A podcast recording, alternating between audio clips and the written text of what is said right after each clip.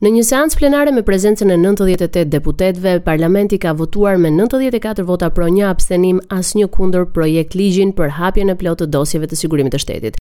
Votimi pati një debat të gjatë teksa mazhoranca nga propozimi fillestar për shfuqizimin e pikës 4 të nenit 29 të ligjit numër 45 i 2015 për të drejtën e informimit për dokumentet e ish sigurimit të shtetit të Republikës Popullore Socialiste të Shqipërisë, pranoi dhe propozimin e grupit të drejtuar nga Enkelejd Alibeaj për të drejtën e çdo qytetari që të njihet me dokumentet e ish sigurimit të shtetit dhe të kërkojë një kopje të tyre.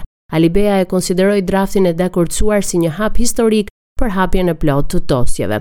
Kryeministri Rama në fjalën e tij para votimit ftoi edhe pjesën tjetër të deputetëve demokratë që të votojnë draftin për të bërë të mundur që edhe personalitetet e larta që kanë marrë një vërtetim për pastërtinë e figurës të mund të verifikohen sërish. Sipas deputetit demokrat Oerd Bylykbashi varianti i dakordësuar mes palëve në Kuvend nuk sjell asgjë të re pasi nuk bën lustracionin. I pranishëm në votim ka qenë edhe ish-kreu i Partisë Demokratike Lulzim Basha, teksa mungoi Sali Berisha dhe mbështetës të tij. Ka pasur mjaft debate në seancën plenare të së enjtes mes Partisë Socialiste dhe Partisë Demokratike për masat e marra nga qeveria mbi krizën energjetike. Masat për kursimin e 15% të energjisë nga institucionet publike, qeveria e ka depozituar në parlament në formën e një akti normativ, i cili ka për objekt klientët jofamiljarë, publikë dhe jopublikë. Katër janë masat detyruese për kursimin e energjisë, ndër të cilat përmenden ndërprerja e ndriçimit të jashtëm i godinave të klientëve jofamiljarë publikë çdo ditë pas orës 22. Ndërprerja e ndriçimit të rrugëve ndërqytetase kryesore dhe dytësore, si dhe i ndriçimit të jashtëm të objekteve të kulturës, monumenteve, shesheve, shatërvaneve. Akti normativ do zbatohet deri më 30 qershor të vitit të ardhshëm, i cili përkon me afatin e emergjencës energjetike. Me zbatimin e këtij akti, qeveria synon kursime prej 3 milion kilowatt-orë në vit në rang vendi, ndërsa zyrtarët e institucioneve që nuk e zbatojnë ato do të gjobiten me 50.000 lekë. Akti parashikon gjithashtu edhe subvencionimin e paneleve diellore për ngrohjen e ujit. Masat e marra nga qeveria për përballimin e krizës energjetike kanë qenë çështja kryesore e debatit maraton në seancën parlamentare të së enjtes mes të dyja kampeve të politikës. Sali Berisha kërkoi nga foltorja e Kuvendit që akuzave të opozitës t'u përgjigjej kryeministri Rama dhe jo ministrja e Energjetikës Belinda Balluku. Ai akuzoi kreun e qeverisë si arkitekt të gropës së zezë në sektorin energjetik. Debati është thirrë me kryeministrin dhe ai duhet të jetë këtu. Nuk mund të fshihet prapa zonjës Balluku. Si në asnjë vend tjetër ju e shisni energjinë që prodhohet nga digat tek agjentë tregtarë tuaj me dyzet euro megavatin Dhe po ky agjent e shet në bursë me njëqind e dyzet euro megavatin dhe ju sjell ju të gjithë fitimin. Por akuzat e Berishës u hodhën poshtë nga zëvendëskryeministrja Balluku e cila tha se opozita dezinformon dhe se çmimi i energjisë në vend nuk është rritur për abonentët familjarë dhe biznesin e vogël. Berisha u përfshi në replika edhe për ndërtimin e Skavicës me zëvendëskryeministren, Për më shumë se katër orë mazhoranca dhe opozita debatuan për situatën në cilën ndodhet sistemi energjetik, ku palët akuzuan njëra-tjetrën për vjedhje në këtë sektor.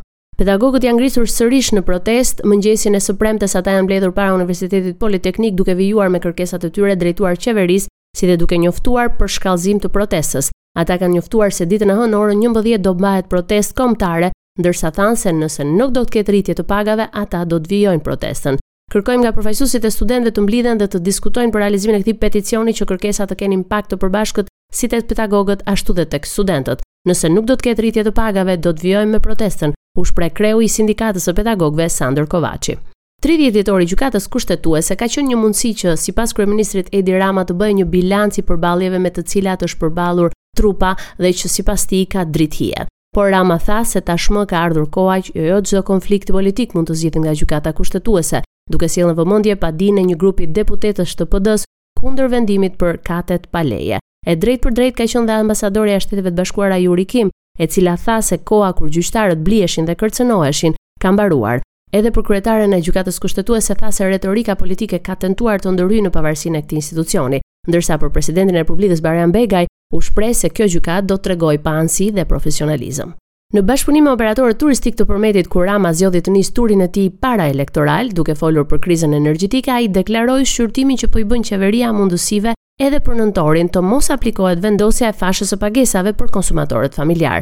Gjithashtu ai shtoi se qeveria nuk do të ndalet me amnistinë fiskale, ka qartësuar se do ta bëjë atë në bashkëpunim me partnerët ndërkombëtarë, një pjesë të cilëve kanë shprehur rezerva për draftin fillestar. Edi Rama është i bindur se skepticizmi i partnerëve lidhet edhe me tymnajën që e ka ngritur opozita për këtë çështje. Me siguri ai foli edhe për vendimin e qeverisë që është në diskutim për të rritur taksën e prodhuesve të energjisë që operojnë në tregun e lirë. Duke mbetur tek energjia, ripërsëriti angazhimin e qeverisë për ta bërë Shqipërinë një eksportuese të energjisë brenda 2030-s dhe kjo sipas tij do të bëhet me dy faza. Aktori i madh me origjinë shqiptare Xhim Belushi ndodhet për një vizitë pune në Tiranë dhe është pritur në një takim nga kryetari i Bashkisë së Tiranës Erion Veliaj. Vizita e tij është në kuadër të realizimit të një dokumentari për imazhin dhe historinë e Tiranës që do të transmetohet së shpejti në gjithë mediat amerikane. Gjatë pritjes kryebashkiaku dhuroi edhe kullën e Sahatit, e cila duket se i tërhoqi jo pak vëmendjen aktorit me famë ndërkombëtare. Gjatë takimit me kreun e bashkisë, Xhim Belushi ka rrëfyer se e ka gjetur Tiranën një qytet të transformuar në mënyrë të paimagjinueshme Ndërkohë, kryebashkiaku shprehu krenarinë që një aktor i madh si Belushi do të jetë promovues i radhës i imazhit të Tiranës në Amerikë dhe më gjerë. Raportoi nga Tirana për Radio SBS, Gerta Eta.